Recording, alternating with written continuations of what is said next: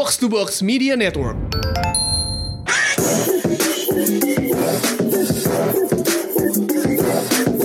What up, what up? You're now listening to the most valuable basketball podcast in Indonesia.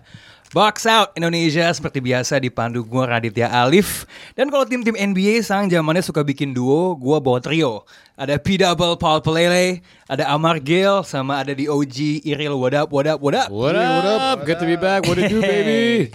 This is the lineup of death Speaking about death Team USA Hmm. Mungkin emang udah banyak yang ngelihat kalau kayaknya skuadnya nggak oke-oke banget, top stars yang nggak main, walaupun mungkin Craig Popovich akan marah kalau gue sebut itu Eh, kalah melawan Prancis 8979 di pertandingan kualif eh, klasifikasi ya. Kalau di FIBA World Cup nih ada klasifikasi kan. Ketika lo kalah lo main lagi buat peringkat. Ku- buat qualify sih, iya, kualifikasi ya. buat ya klasifikasi untuk qualify di ke Iya. Olimpiade kan. Betul.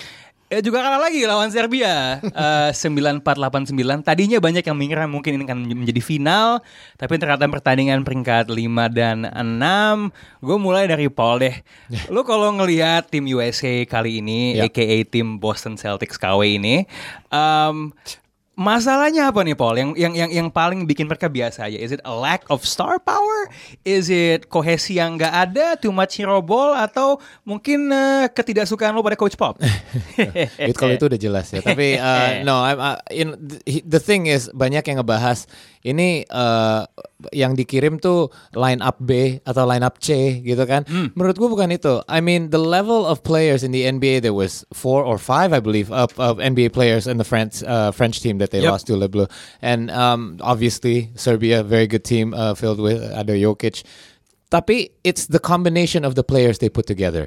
Um, they had bigs yang gak ada gunanya di situ. Kayak Mason Plumlee was pr- pretty much useless. Um, they brought Lopez, whose three point shooting just wasn't on in the whole tournament. Sometimes that happens.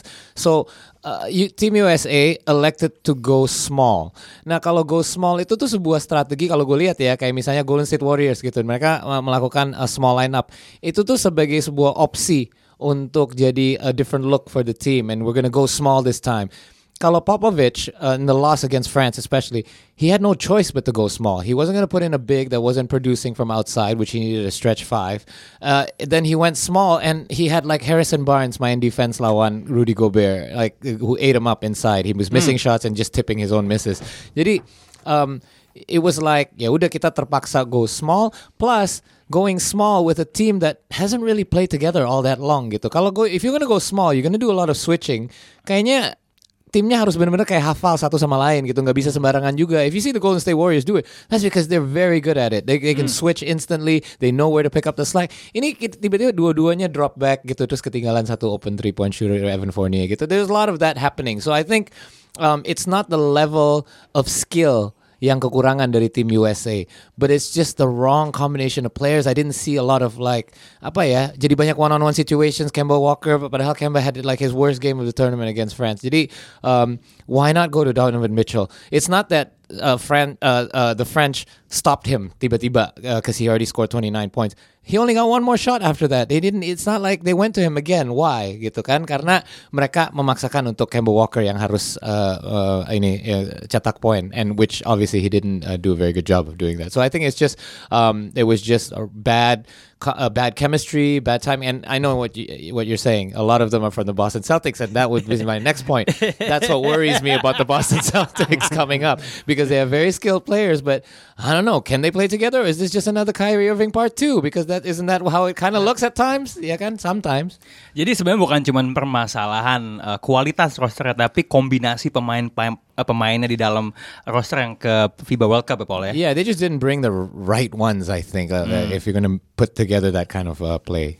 Kalau lo Mark ngeliatnya gimana? Ini lebih karena USA-nya yang nggak bagus atau karena oposisinya yang cukup bagus kali ini? Atau, Kalau- atau kombinasi keduanya? Eh, se- sebenarnya gue ngeliatnya kombinasi keduanya. Tapi sebelumnya ini juga bisa dibilang sebagai salah. Ini tahun yang paling menampar buat Amerika. NBA juaranya bukan dari Amerika, eh, MVP bukan dari Amerika, rookie bukan dari Amerika, most improve bukan dari Amerika, dan Amerika sendiri terjegal dengan, eh, menurut gue sih dengan cukup parahnya gitu ya di di, di ajang yang sebenarnya mereka harusnya bisa mendominasi. Eh, yang yang yang pertama tadi udah disebutkan sama Paul. Oke, memang line up ini bukan line up terbaik dari pemain-pemain bintang yang ada di Amerika, tapi still Mereka adalah pemain-pemain di NBA yang bisa merepresentasikan sebuah negara yang sangat digdaya di dunia basket. Nah berikutnya juga eh, tadi camp yang dimiliki oleh Amerika ini memang kelihatan sekali ada banyak permasalahan ya, ada turbulensi di mana ada pemain yang cabut, ada yang pemain yang akhirnya masuk lagi dipilih dan kelihatan banget mereka kayak cukup mungkin mungkin cukup meremehkan ajang ini jadinya akhirnya seperti itu. Udah gitu tadi eh, memang ada dengan dengan kenikmatan yang kita bisa nikmati dari globalisasi basket yang semakin membaik, kita juga ngelihat tim-tim yang tadinya memang tidak terlalu bisa dianggap sebagai rival yang sangat kuat bagi Amerika tapi akhirnya bertransformasi menjadi rival yang sangat berarti buat mereka. Kita ngelihat permainan Prancis yang sangat bagus bahkan kalau misalnya kita ngelihat dari half court half court efisiensi shooting mereka nomor satu Amerika sendiri ada di posisi 18 cuma satu tingkat di atas Iran. Nah jadi jadi banyak sekali permainan per- perma- uh, permasalahan-permasalahan yang terjadi. Dan gua nggak percaya sebenarnya gua akan ngomong gini tapi permasalahan utama Amerika menurut gua sepanjang yang gue saksikan justru offense mereka. Di saat kita cukup bakal aneh denger Amerika punya permasalahan ofensif secara basket menurut gue itu agak-agak aneh ya. Tapi memang itu beneran terjadi. Bahkan kalau misalnya kita ngelihat dari statistik kalau kita ngitung dari pertama misalnya kita ngitung di era 2000-an lah ya FIBA 2002 di kampungnya Rana di Indianapolis. Eh, itu meskipun mereka saat itu di posisi 5 atau 6 juga kalau nggak salah itu eh, tapi efisiensi mereka lebih baik. Sekarang per 100 possession mereka itu hanya bisa eh, menciptakan sekitar 111 points. Dan itu sangat buruk. Dan rata-ratanya mereka yang yang terburuknya aja dari mulai eh, 2002 dan 2006 itu eh, di 122 points. Jadi menurut gue memang ada permasalahan offense. Kayak tadi Paul sudah bilang Brook Lopez yang kelihatan gak ada guna sepanjang pertandingan di FIBA ini sampai ngelawan Prancis dia mencetak hanya dua dari 14 kali attempt untuk melakukan tembakan three point. Begitu juga dengan tidak ada kayak kayak gini kayak lu lu kalau punya point guard seperti Kemba Walker lu akan mendapatkan advantage bahwa dia bisa skor. Tapi di sisi lain tidak ada yang mengorkestrasi permainan di lapangan itu seperti apa. Jadi kayak kelihatan nggak ada identitas gitu loh. Berikutnya lagi ketika ketemu sama big yang bagus seperti Rudy Gobert kemarin Rudy Gobert luar biasa menurut gua kemarin. Selain kita ngelihat juga Nilikina cukup bagus karena uh, mereka eh, dia berapa kali nge-shot 3 point juga. Tapi big big uh, dari Amerika ini nggak ada yang bisa menandingi kehebatan Rudy Gobert. Belum lagi kalau kita ngomongin wing players, di mana itu adalah salah satu komponen paling penting di era basket sekarang.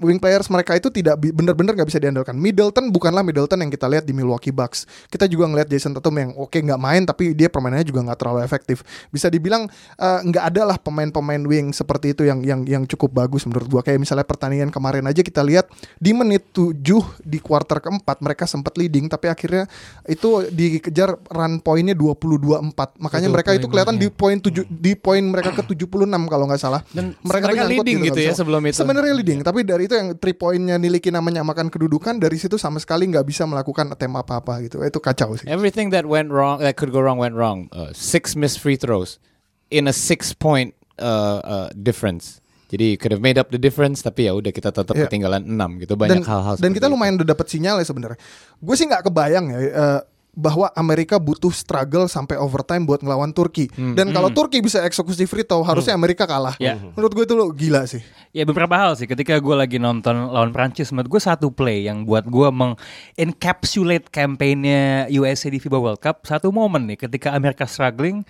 what could they do? Kemba Walker ngedrive maksa di blok sama Rudy Gobert gitu Ya, kan. Ya. bermain hero ball kemudian di blok sama pemain center yang jauh lebih bagus dari squad yang mereka miliki. Kedua menurut gue juga sangat signifikan poin yang lo bilang tadi tuh Mar Eh, ini bukan cuman offense dari jumlah possession aja. ya. Biasa kita kalau ngelihat Amerika di turnamen internasional, we expect a blowout. Ini jangankan a blowout, nggak ada satu pertandingan pun di mana dalam regulasi mereka lebih dari 100 poin, gitu loh. Jadi emang kelihatan offense bapuk. Tapi kalau ngomongin ketika lawan Prancis real ya, ini yang lucu Amerika nih pelatihnya Greg Popovich kan, dan em, mungkin salah satu pelatih di NBA yang paling berjasa mengembangkan international game kan dari pilihan pemain yang dia bawa ke Spurs gitu. Dan kita melihat ketika melawan Prancis nggak cuma Rudy Gobert yang bagus, ada uh, Ntilikina yang back to back threes ya. Clutch Kemudian juga ya. satu nama nih, ini uh, binaan pop Nando De Colo ya. Iya, iya. Uh, Lo kalau ngeliat permainan Prancis kemarin gimana? What impress you the most dari mereka? Jadi gini, gue abis gue kebetulan nontonnya pas abis third quarter, jadi gue nggak nonton dari awal. Ya. Tapi eh, right after the game itu teman baik gue nge-WhatsApp gue. Dia bilang gini, Real, lo kalau mau lihat sama yang namanya Princeton's offense, Hmm. Itu tadi Prancis menjalankan Princeton's offense dengan sangat-sangat perfect. Oke, Princeton tuh yang gerak semua kan? Ya, Ya oke. jadi Habis itu ya udah nanti gue lihat akhirnya gue belum lihat tapi kayaknya kayaknya Amerika kayaknya Amerika matinya karena princess offense-nya si Prancis. Tapi gue lihat chemistry-nya bagus. Em, pemain pemain Amerika gue gue nggak tahu kenapa gue sama sekali nggak ngeliat ada chemistry-nya ya. Nah, gitu mereka maksudnya, kayak- mereka cuma mau show off aja. Kayak Oke. kema- kayak kemarin Donovan Mitchell ada berita di mana dia bilang gue kapan bisa shine ya, gue kapan bisa show off ya. Akhirnya kemarin ya udah you got one more game. Akhirnya kemarin dia 29 poin. Ya udah dia show off, dia kelihatan show off cuma as a team gue nggak ngerasa ada ada chemistry-nya sama sekali tim USA. Interesting point ya. Kalau kalau menurut lo kenapa susah banget chemistry itu dibangun? Maksudnya ini kan bukan koleksi pemain bintang yang sangat terkenal yang kita tahu punya ego gitu. Ha, ha. Dan ini pelatihnya Greg Popovich yang sebenarnya kalau kita lihat biasa ya biasa bisa ngeluarin yang terbaik dari pemain yang gitu-gitu aja. Kayak kalau if, if you had to make a guess tuh menurut lo kenapa ya chemistry? Sebenarnya kan si Jerry Colangelo tuh milih Co- coach Popovich karena berharap banyak pemain-pemain bintang yang bakal join Hmm. the team. Karena, Oh, oke. karena mungkin banyak yang mau coba bermain untuk coach Popovich, tapi ternyata kan impactnya juga nggak ada. Hmm. Tengah-tengah training camp juga pada cabut. Dan gue rasa gue nggak tahu mau nyalahin coach Popovich atau enggak ya, tapi menurut gue emang kayak tadi Paul bilang ini roster yang susunannya menurut gue agak-agak redundant dan agak-agak aneh gitu loh. Karena kayak tadi Amar bilang juga di tengah-tengah banyak yang cabut. Dia mau ganti siapa juga susah ya kan? Iya. Ya pakai yang, pakai yang ada aja gitu. Banyak yang memakai itu untuk training camp individu sih. Mm-mm. Darren Fox oke latihan dikit, habis itu cabut karena musim udah mau datang gitu. Iya. ya. Um, Paul, I know you're Canadian, tapi kalau lo Don't even talk about the Canadian team. so disappointed. Itu- Worse than the US. tapi oh kalau kalau tim Kanada emang Oh. lebih banyak lagi yang absen ya. Nggak, soalnya soalnya alasannya kalau US gue masih ngerti deh. Kita sa- saking jagonya, lu nggak perlu gue deh. Gue nggak usah ikutan turnamen ini. Gue mau fokus di regular season Ah. nggak apa-apa. Kanada udah so jago duluan ya kan kayak it's okay. I'm not coming. Kevin Pangos. Hey man, we're not we're not we, we haven't won anything yet. Maybe we should win something before you all start taking off.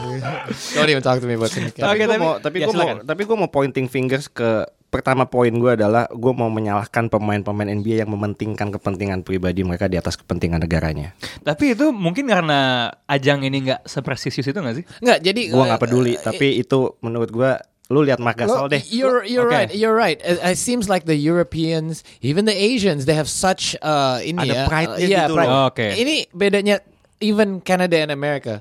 Canadians, I think it's cause isi uh, Canada itu isinya semua kayak melting pot gitu. It's not just like um, it's not just European background or or African African American uh, background. It's everything. There's Asians, there's Indians, there's uh, Europeans, there's all sorts of people. Jadinya nobody really knows what a Canadian is, and these Canadian people uh, that came after Steve Nash, Rick Fox generation, nggak ada loyaltinya sama sekali ke negaranya sendiri. Jadi nggak ada kayak, uh, okay, I gotta play for my the red and white gitu. No, I think the Raptors are more of a national team than our Canadian team gitu at this point. Jadi it was kind of weird that. Uh, all these Canadian players, um, alasannya apa gitu? You're still young gitu, like Iya. Shea Gilgeous Alexander, like RJ Barrett. You're all still young guys. It's not like you've even played. One of them hasn't even played in the NBA yet. Tapi tetap aja kayak, oh, gue harus fokus nih ke. Padahal se- ini bisa jadi kesempatan yang bagus ya buat Exa- mereka ngerasain national game. I mean, uh, uh, this is a time for you to showcase your skills and represent your country. Like you can show people that, hey, this is what I'm I'm capable of uh, in the regular Ya tapi gue rasa mereka juga punya eh, alasan-alasan yang bisa dilegitimasi sih menurut gue kayak kita lo lo sempat ngelihat nggak beefnya antara Bill Simmons dengan Devin Booker. yes. oh, apa Ya. tuh apa tuh? Jadi jadi kan eh, Bill Simmons mengkritik Devin Booker yang dianggap sebagai lo tuh pemain muda, lo tuh harusnya bisa mampu mengasah skill lo dengan main di timnas dan lo itu sebenarnya punya bakat gitu loh. Terus Devin Booker kan mengundurkan diri dan eh, dia eh, Devin Booker dengan alasan bahwa eh, ya berpotensi untuk adanya cedera, Ya. camp terlalu dekat dan lain-lain. Udah gitu kemarin kejadian waktu Jason Tatum cedera, Yeah. Mhm. si si Bill Simmons nge-tweet, nge-tweet oh, pokoknya kurang lebih kekecewaan dan kesedihan kenapa Jason Tatum cedera terus di retweet sama sama Devin Booker kayak prayers up gitu jadi jadi mereka juga memang punya alasan karena mau bagaimanapun NBA tetap ajang yang lebih bergengsi. Dan seperti gua pernah diskusikan sama uh, Rana juga sebelumnya NBA musim berikutnya ini tuh wide open gitu loh. Kita nggak kayak ngelihat akan ada kedidikdayaan dari seorang eh satu tim Golden State Warriors. Jadi tim-tim seperti ya kayak misalnya Clippers, Lakers itu banyak banget gitu loh. Kita kita bisa ngitung 8 tim yang seharusnya punya kans untuk dapat juara. Jadi mereka sebenarnya wajar juga buat berkonsentrasi kayak kita ngeliat PJ Tucker. Apalagi dengan KD injured ya. Jadi iya makanya bener-bener wide open gitu loh. iya. Gua gua nggak gua gua agak gila sih kalau ada satu orang yang bisa prediksi. Gue yakin banget satu tim ini pasti juara ada, gitu. loh. ada satu Nggak ada gitu loh. Jadi jadi mereka juga ngelihat adanya potensi-potensi itu. Jadi dan juga untuk menjaga diri mereka. Ditambah juga kenapa kalau menurut gua nih ya, kenapa pemain-pemain Eropa atau Asia punya punya punya kebanggaan untuk main. Oke oke ada sisi patriotisme, ada sisi nasionalisme, tapi ada sisi juga benar-benar kekuatan untuk mengalahkan Amerika gitu loh. Karena karena Hmm, this Amerika is our itu terlalu, terlalu terlalu dikdaya kayak Iya, misalnya kemarin itu ada wawancara kepada Candace Parker. Kenapa begitu setiap Amerika pegang bola banyak supporter teriakin bu Iya. karena Amerika itu terlalu dikdaya dibenci. Kayak kita ngeliat waktu kedikdayaan State Golden State Warriors-nya Warriors dunia, gitu loh. Mereka Iya. super tim dunia Iya, gitu. super timnya dunia. Jadi ketika ketika kayak misalnya Giannis punya kesempatan buat ngelawan Amerika dan mengalahkan mereka, why not man gitu. Jadi uh, uh, going off that point, uh, pemain mungkin menghindarkan uh, cedera. Bisa dibilang itu lebih apa ya namanya lately load management ya.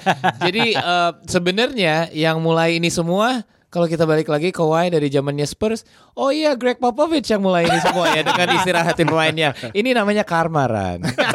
Makan tuh. Karma karmanya gara-gara Trump juga kali ya. Soalnya apa? Soalnya kan mainnya di Cina, ini gara-gara trade war sama Cina. Nah, tapi mungkin gue juga ngelihat ada sisi pragmatis ya. Maksudnya gini loh, pemain-pemain yang tidak mau main di FIBA World Cup mengutamakan klub karena yang lo bilang tadi wide open artinya peluang menang bagi mereka mereka menganggap lebih gede kali Iya. ini karena fieldnya open. Nah mungkin itu justru juga sebaliknya buat internasional Iya. karena mereka tahu nih pemain-pemain NBA juga mungkin nggak akan nongol uh, semuanya di Iya. turnamen ini. Jadi sebaliknya ketika mereka pragmatik mengutamakan kejuaraan ini because the field for them is wide open in Iya. that sense. Dan dan menurut gua gue satu lagi nambahin poin kayak kayak misalnya menurut gua ada kegagapan dari adaptasi perbedaan peraturan. Kayak misalnya tadi Paul bilang mereka main small ball, main small ball itu bener-bener semua harus bergerak dan lo harus bisa tahu bahwa lo bisa mengeksploitasi big man lawan. Makanya main small ball. Nah mereka tuh lupa mungkin atau gimana ketik mereka ba- bahwa di di FIBA itu nggak ada defensive 3 second. Jadi si Rudy Gobert mau nongkrong di situ makan mie ayam di bawahnya juga masih bisa gitu loh. Makanya berapa kali dia ngeblok karena kalau misalnya di NBA dia tetap harus keluar supaya Ya, menghindari ya, ya. defensive 3 second dan lain-lain. Ya, ya. Ini nggak ada gitu. Jadi bener-bener lo lihat aja kemarin di menit-menit terakhir yang tadi Rana sebut berapa kali blok bukan cuman ke bukan cuman ke Donovan Mitchell doang berapa Kemba berapa- Walker. Kemba Itu Walker. Jalen Brown. Jadi memang itu itu menurut gua menurut gua salah satu uh, pengadaptasian juga termasuk kayak misalnya uh, inilah makanya ada kritik bahwa NBA itu harus bisa lebih fisikal. Karena gua ngelihat artikel di mana Kemba Walker dan beberapa pemain NBA bukan mengeluhkan tapi menceritakan bahwa FIBA World Cup ini lebih fisikal. Wasit nggak gampang niup karena ada kontak-kontak yang yang nggak terlalu keras, nggak akan di call sama wasit. Itu juga menurut gua yang yang membuat eh, mungkin pendapat-pendapat orang yang berpikir "Ah, NBA enakan dulu lebih keras. Mungkin mungkin ada benernya juga karena mereka juga harus perlu adaptasi dengan peraturan yang agak berbeda dan call-call yang akan dibagi yang cukup beda.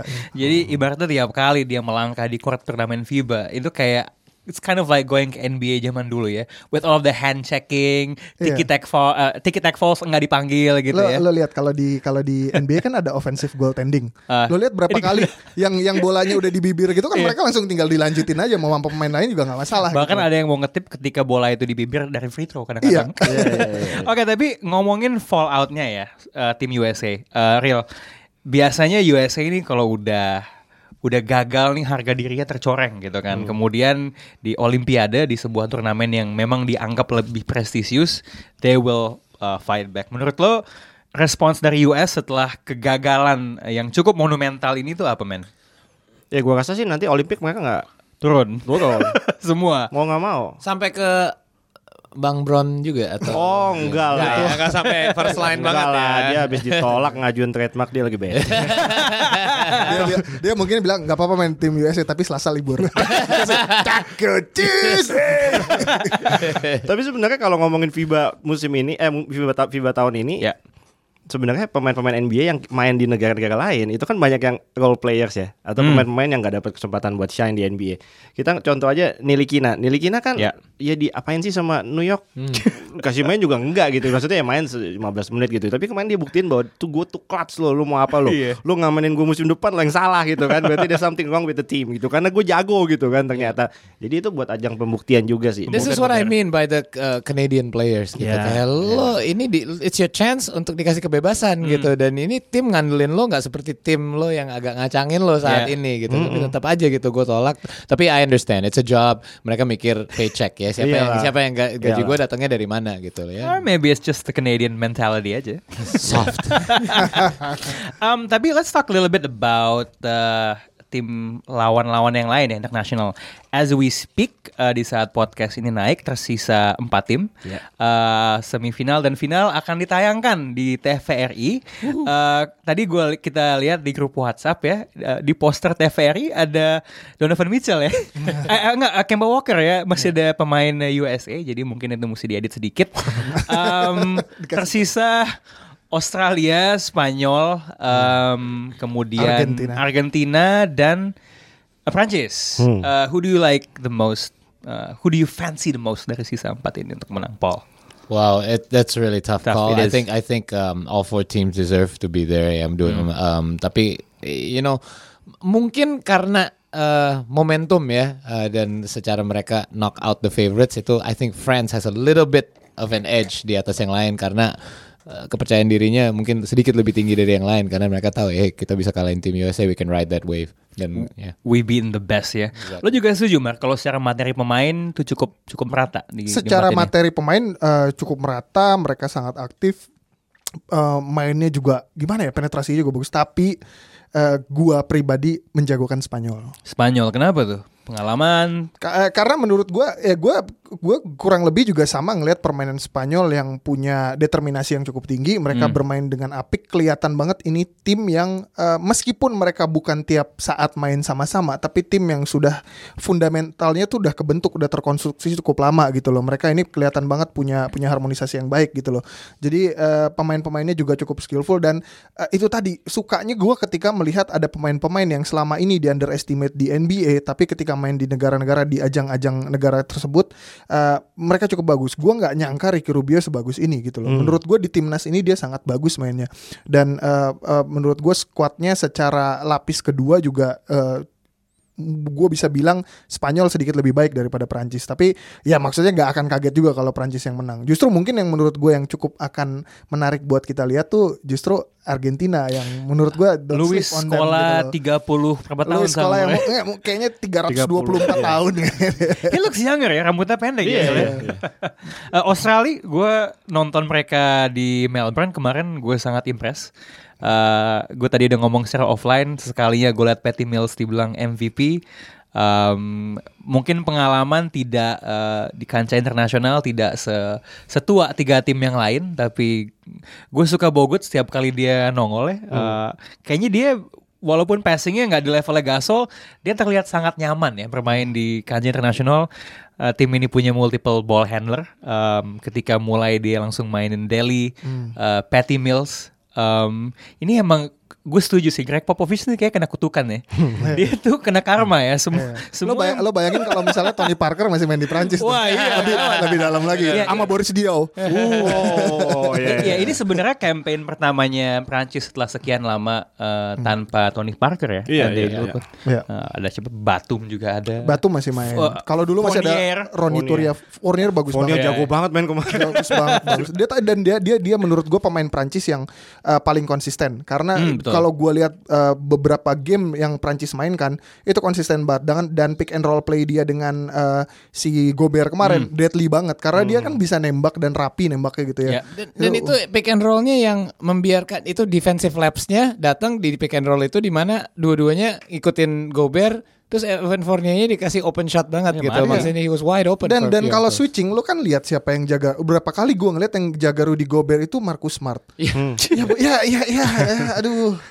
Iya pas lagi lawan USA Gobert tuh sering banget in the end dijaga sama orang yang at least 5 inci lebih pendek ya. Iya, ya Kalau gua- gitu kalau gue perhatiin ya yang gue yang gue paling sering perhatiin antara Jalen Brown sama Marcus Marcus Smart Iya. ini Ya ya ya Jalen Brown aja mainnya di posisi Oke. 4 gitu loh. kayak, Jadi lo tidak hanya khawatir pada offense Boston tapi defense juga sekarang. Gue gue khawatir sama mental mereka. Ini kayaknya mental mereka playoff musim lalu deh. Oke, that's all buat pembahasan FIBA World Cup dan kegagalan tim USA. Kita lihat aja di Olimpiade Tokyo bounce back akan seperti apa. Di segmen 2 kita akan ngebahas sedikit eh, tentang NBA, lebih tepatnya pertanyaan-pertanyaan dari NBA. Welcome back to Box Out segmen 2. Eh, honestly speaking, gue lagi kemalas sih sebenarnya ya. Jadi gue malas berpikir, malas nyari artikel, malas nyari topik. terus Jarang nih bingung. ngeliat lo kayak. Iya iya. Jarang nih gua. Lagi agak stuck kerjaan banyak gitu kan. Jadi gue yang kayak, hmm ngapain ya gitu. Gue buka DM gue masih ada pertanyaan dari teman-teman baik kita di NBA Indonesia. Terus gue inget itu belum eh, pernah kita bahas dalam podcast gitu. Mumpung eh, liganya juga tinggal satu satu setengah bulan lagi. It's probably the right time to talk a little about the upcoming season. Um, ini gue bacain aja sih ini kayaknya waktu itu ditanya terus gue nggak tahu jawabannya dipakai jadi konten uh, Twitter. Ah, beberapa tim NBA dipandang memiliki pemain yang core. Oke, pemain muda di bawah 25 tahun dengan statistik menjanjikan. Nah, real, menurut lo yang core dari tim mana saja yang layak dipantau musim depan Eds tapi opsinya hanya Oh, New Orleans Pelicans, Dallas Mavericks, Denver Nuggets, Phoenix Suns, T-Wolves, Grizzlies. Pelicans, Mavericks, Nuggets, Suns, T-Wolves, Grizzlies. yang paling muda adalah Pelicans dan uh, Mem- Memphis. Oke, secara usia. Oke, Ya. kita coba bandingkan keduanya deh. Mana yang lo lebih suka, Real? Um, gua rasa secara future lebih bright Memphis ya. Oke. Nggak nggak tahu kenapa gue suka Memphis karena um, Jamoran itu rukinya reminding me a lot of Russell Westbrook Oh, ketika di kuliah gitu. ketika kemarin Ya, dia ya. di college. Oke. Terus um, dia punya um, Jaren Jackson Jr. itu juga Mhm. bagus. Uh, gua rasa dia dapat steal juga di draft di Brandon Clark. Hmm, Gonzaga. Um, itu dia juga bagus. Uh, kemarin MVP-nya Summer League kalau nggak salah Ya. ya. Terus um, surprisingly dia juga dapat Josh Jackson gitu. Hmm. Josh Jackson nggak tahu Trade kenapa ya? gue masih masih feeling dia masih oke lah. He has something gitu. to prove ya. And then um, um, Jonas Valanciunas Oke. itu juga Not exactly a young core. not exactly tapi lebih muda daripada Marcus Gasol kan. Everyone's younger than Marcus Gasol. ya tadi Paul, eh, kalau gue kemarin ditanya, eh gue memilih Pelicans itu lebih dari sudut pandang entertainment sih. Kalau apa yang Yeah. core kan, Zion Williamson eh, sama what's his name eh, Jackson Hayes dunking, you know probably every play gitu, eh, up and down the floor. Tapi eh, kalau menurut lo gimana ya? I think Grizzlies sih core-nya menarik banget sih buat gue sebenarnya. gue rada ini, I'm a little bit unclear dari pertanyaannya karena gue biasa di otak gue diterjemahin dulu. Jadi Hmm. what I understand is dipandangin tuh which one do I wanna watch more? Like which which one should we? Which one is the must watch team? Atau which is the team that's gonna have more success? Oke, let's go with more success. Oke, Karena kalau tadi pilihan gue must watch soalnya. Yeah. Oh, must well, watch that- Pelicans. Pasti, itu pasti. Yeah, for me, uh, must watch is Pelicans just because just because of the Zion factor and uh, you know gue suka banget yang core dari Lakers dan kebetulan emang ada beberapa yang jadi main be- berbeda seragam. Yeah. Cuman kalau mau ngomong sukses, ya jelas Denver Nuggets karena uh, you know, I, did you mention that as one of the options? I did, I did. Tapi entah kenapa ketika gue lihat itu di listnya nggak ke register Nggak di gue kalau dia. Mungkin lo masih masih muda. bete karena Jokic kemarin kalah ya, tapi Iya, iya. tapi jangan Oke, lupa oke. juga walaupun dia bentuknya kayak bapak-bapak, dia itu uh, masih tetap muda juga ya. He's what, dia- dia- 24? Yeah, he's, he's, he's Okay. still under 25 and he's uh, surrounded by a bunch of young guys. That Oke, oke. ini deh ada cuman ada lima tim yang uh, um, core-nya itu average-nya sorry rata-rata pemainnya itu di bawah umur 25 musim lalu. Ada Bulls, Knicks, Suns di mana nggak ada satupun dari tiga tim itu yang cetak di atas ke 22 kemenangan. Ada juga Sacramento Kings, they did pretty good, 39 wins if I'm not mistaken. And there's the Denver Nuggets yang 54 ya kalau nggak salah kemenangannya. Jadi kalau emang itu uh, uh, and they made the playoffs, they they were tough out di playoffs juga and most of their teams stay together gitu. And so if you look at I mean I love the Grizzlies, uh, but if you're talking like success kayak like yang mana yang yang yang paling pantas untuk dianggapi tim the young core of the of, of next season, I would have to stay with the Nuggets. You know, karena uh, the Jamal Murray factor. There's gonna be Oh, he's guys. good, he's good. Yeah, I, I Yeah, mean, yeah, I mean, yeah, guys, yeah, yeah, guys yeah. on that team are just gonna get better. Beasley's gonna get better. Uh, Monte Morris is just gonna get better. They're just gonna continue what Uh, they're doing. Michael Porter Jr. Michael Porter Jr. If they, they can stay healthy, you know, um, isn't uh, uh, ball ball ball got drafted there? Yeah. I just realized But he's injured. Jamal Murray was born in 1997. Jadi kayak gue harus ngerevisi jawaban gue sedikit sih. So yeah, anyway, ya oke oke. Lo gue rasa akan bilang Nuggets juga. Kalau ngomongin sukses aja. iya, itu dia pertanyaannya. bahkan bahkan gue kan pernah bilang gue nggak akan kaget kalau misalnya orang ngomong berkutat soal Clippers dan Lakers. Kalau musim depan peringkat satunya Nuggets gue nggak akan kaget. Karena tadi Paul bilang ini tim nggak banyak perombakan. Ya they're only gonna get better right? Kan menurut gue yang tim-tim dengan dengan core-nya sudah bagus ini akan in- akan semakin baik. Tapi menurut gue ya ini bukan ngomongin soal sukses tapi yang cukup akan menarik kita amati justru gue pengen lihat juga nih duonya Doncic dengan Kristaps Porzingis. Hmm. Jika Porzingis sudah sehat ya, udah fully fully recovered, ini ini cukup akan menarik dua dua pemain yang sangat jangkung sebenarnya gitu ya buat Yeah. posisinya masing-masing eh, itu akan cukup menarik dili- dilihat. dan menghadirkan banyak matchup problem ya dengan size-nya Iya. juga ya. Oke Gue inget sang, kan? gue gue inget uh, Paul kenapa gue nggak bilang Nuggets karena di pertanyaan yang peringkat satu dua tiga gue taruh Nuggets di situ actually. Jadi, oh, jadi lu nggak mau ngulang pert- Iya itu gitu kan Iya, kayak tendensi untuk nggak repetitif. That should be your answer. That should prove itu buktinya bahwa itu jawaban yang paling benar karena lu udah taruh mereka di tim ngeles, status. Menguatkan poin lo. Oke baik baik baik. Oke ini kita ke pertanyaan berikutnya. Eh, loncat aja lah ke, ke nomor em- empat waktu itu. Dua tim Los Angeles masing-masing punya duo pemain bintang yang siap membawa timnya juara.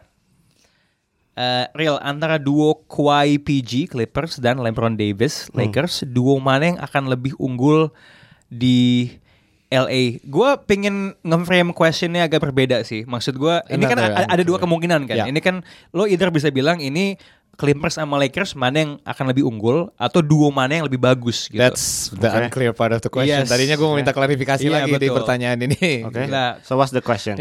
gue lebih ke duo mana yang lebih bagus. Oke. Kawhi and PG. Kawhi PG kenapa tuh? Uh, gue selalu suka sama two way player. Oke. Jadi na, gue nggak gua nggak cuma nonton offense tapi defense juga gue suka. Hmm. Dan dua defender terbaik menurut gue ada di dua pemain itu. Hmm. Jadi kalau misalnya kita ngomongin talent mungkin dua gue agak susah ya kalau ngebandingin antara LeBron AD sama PG Kawhi karena dua-duanya sama-sama pemain dua-duanya sama-sama komposisi yang menurut gue komplit. Ya. Tapi LeBron cuma karena faktor umur aja sih. Oh.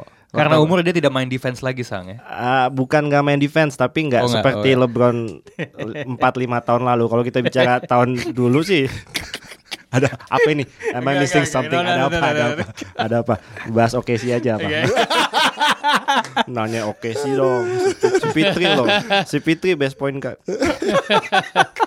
Paul, Paul, what do you think, man? Um, best duo nih ya berarti Iya, ya. best duo, best I'm gonna duo. go with LeBron and AD. Uh, first first off, PG sama Kawhi itu karakteristiknya uh, bukan hanya defense tapi they're both very quiet. They let their play do Do the, talking. their talking.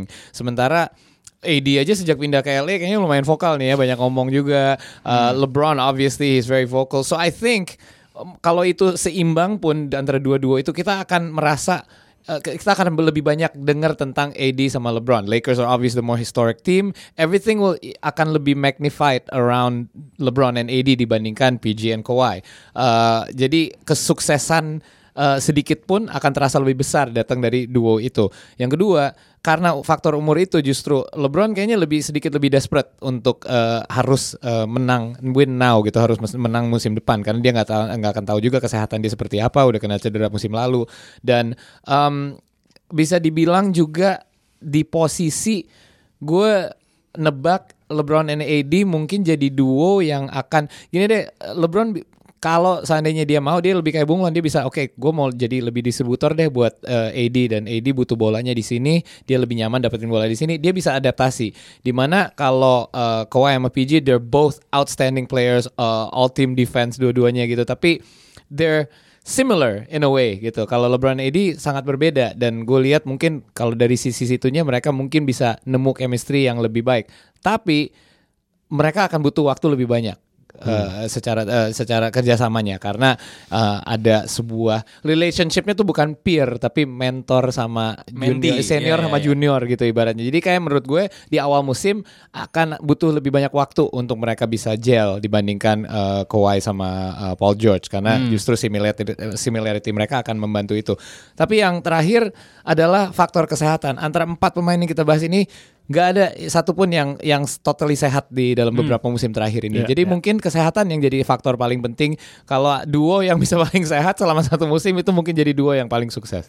Oke, Marlo akan membela idola lo atau gimana nih? Poin terakhir Paul tadi emang gue tadi mau bilang, pokoknya kalau kita ngomongin soal kedua duo ini, kita akan banyak melihat load management. ya. Kita mungkin akan sering melihat mereka tidak bermain bersama atau eh, bahkan yang satu main yang satu enggak dan lain-lain seperti itu. Tapi kalaupun bicara soal yang mana akan lebih menarik dan lebih baik menurut gua eh, gue setuju sama Paul tadi tentunya LeBron dan AD karena eh, ini mudah-mudahan ini revenge LeBron yang akan ma- main. Jadi mudah-mudahan Kan mentality seperti di IG itu bilangnya revenge season. Come revenge back season. for the ages. Udah, fire, udah. fire. Dan dan berikutnya eh, dengan segala hormat gua kepada Dwayne Wade, menurut gua pribadi, Eddie adalah rekan LeBron yang paling bertalenta dari yang pernah dia punya. Dan kalau kita ngomongin duo, duo dengan posisi yang sama itu belum tentu bisa bagus. Kita selalu ngelihat dari segi historis, duo yang paling komponen penting dari duo adalah ada yang satu benar-benar bisa bawa bola. Dan itu ada di posisi LeBron, di mana kita mungkin akan ngelihat LA kembali menjadi lob city atau bagaimana kita bisa bisa ngelihat banyak sekali lob-lob yang akan diberikan LeBron ke Eddie, pick and roll dan yang lain yang lebih efektif. Kalau misalnya dua wing player semacam, gue sih jarang gitu ngelihat ada dua wing players yang main bisa bagus bener-bener em, bener-bener eh, gimana ya synchronize gitu mainnya. Itu agak agak sulit. Jadi menurut gue sih karena karena faktor technicality itu juga akan menjadi isu gitu loh. Oke, tapi di sisi lain ya, this is probably a long shot comparison. Gue ngerasa uh, sebuah tim yang punya Kawhi sama PG, ini duet yang I'm not saying they're that good ya, tapi secara karakteristik kalau buat gue agak mengingatkan gue pada Jordan sama Pippen sebenarnya. Iya. Kawhi being the Jordan, uh, PG being the Pippen. Defense-nya nggak sebagus Pippen, tapi mungkin offense-nya sedikit lebih smooth. Iya. But lo kan tadi kan bilang kalau duo yang lebih oke kan mereka berdua kan. Uh, that creates an interesting question. Kalau menurut lo, I know dua-duanya anak California Selatan nih, tapi Kawhi sama PG ini koeksisten koeksistensinya akan gimana kalau menurut lo Ril? Bagi bolanya gimana? Gue gue tadi pertama gue milih Kawhi sama PG. Mhm. Gue selalu menganggap Lakers itu tim yang isinya orang-orang toxic. orang-orang toxic gitu. Ada ada yang bilang Jason Kidd suka backstabbing. Jadi Abusive. on- ownernya ownernya juga ownernya juga gak jelas. Masih ada gitu. Rondo. Masih ada Rondo. Jadi gua rasa akan banyak drama-drama nanti yang membuat duo ini terlihat nggak lebih bagus daripada Kawhi dan PG. Oke. Kayak talent wise tadi gue bilang agak ko- komplitnya sama pemain Hmm. packs, eh, apa eh, the whole package gitu ya. Ya. Tapi kalau gua posisikan mereka di tim satu di Lakers satu di Clippers as an organization gue lebih suka sama posisi mereka di Clippers gitu loh Hmm. posisi Kawhi sama PG karena ownernya very passionate Oke. Um, coachnya No juga coachnya juga Doc Rivers juga gue rasa nggak pernah ada masalah dengan pemain dan environmentnya sama sekali nggak toxic Ya. gitu tapi dua-dua dua Kecuali sama Baby Davis. Nah, tapi tapi apa gue baru kepikiran lucunya adalah dua combo ini yang tadi lu bilang LeBron sama AD and then PG and Kawhi itu salah satunya udah punya cincin Ah. dan dia ada guy belum punya cincin. Jadi Iya, iya, iya, iya. jadi kayaknya mereka berdua saling berusaha untuk bikin pembuktian bahwa lu tepat banget joining forces with me gitu Oke. untuk untuk dapetin cincin. Kita lihat siapa yang dapetin cincin duluan. Kayaknya ada ajang Oke. they're on a mission untuk buktiin itu sebenarnya. And I agree. I think the Clippers kalau kita ngomongin tim nih Yeah. bukan duo doang. Yeah. I believe they, they might they likely akan punya regular season uh, record yang lebih baik. Kenapa? Karena same reason with the Nuggets. Mereka punya core team yang uh, yang udah sangat bagus dari musim lalu. They're gonna blend right away. Dibandingkan tim ini lagi si misfits lagi ada beberapa misfit lagi kan. Ya It's gonna take some time. Although much much better than last year karena last year LeBron sendirian. Lagian uh, kalau lo bandingkan Kawhi sama PG ke Jordan sama Pippen, berarti LeBron AD ini dong, Magic sama Kareem dong. Could be ya.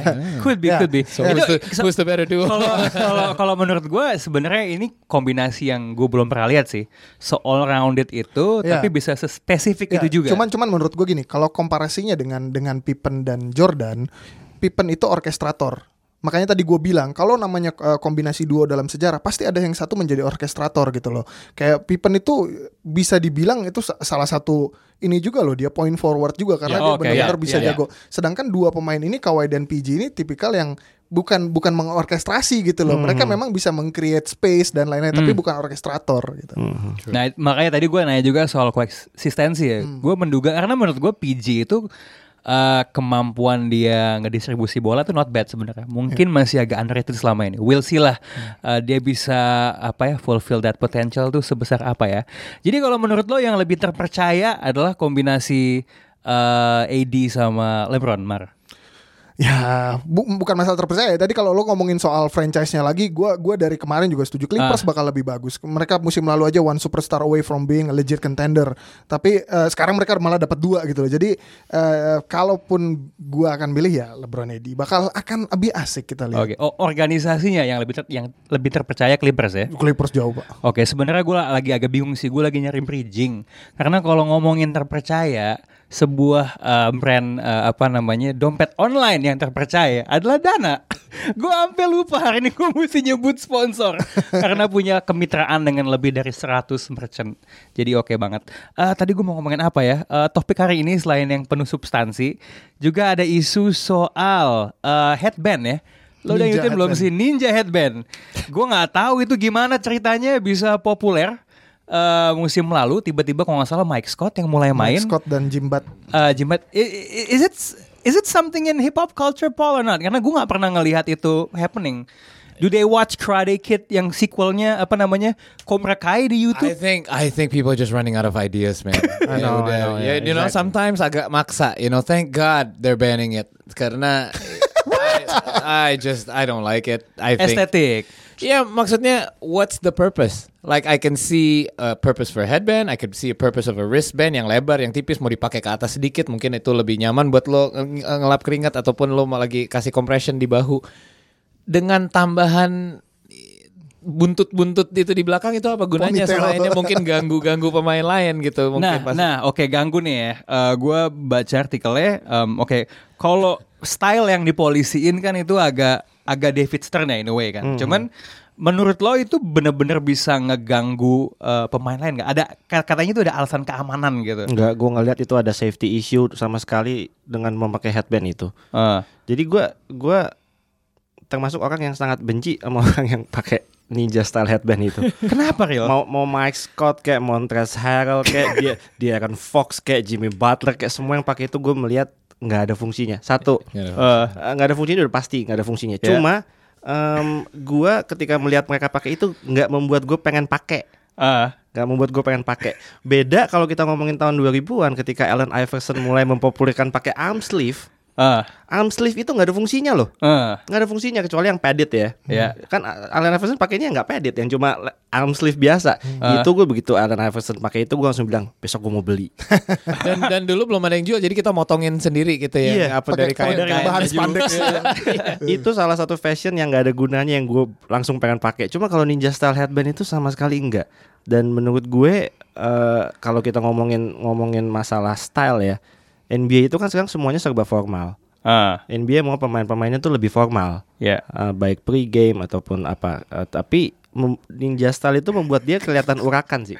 Oke. Ini m- mungkin juga ada alasan eh, kayak OBJ ditegur karena pakai jam pas ini. Sebenarnya eh, ada fungsi mungkin mungkin dia mau lihat ini jam berapa men game selesai gue harus Di pulang makan malam. stadium the- ada jam gede.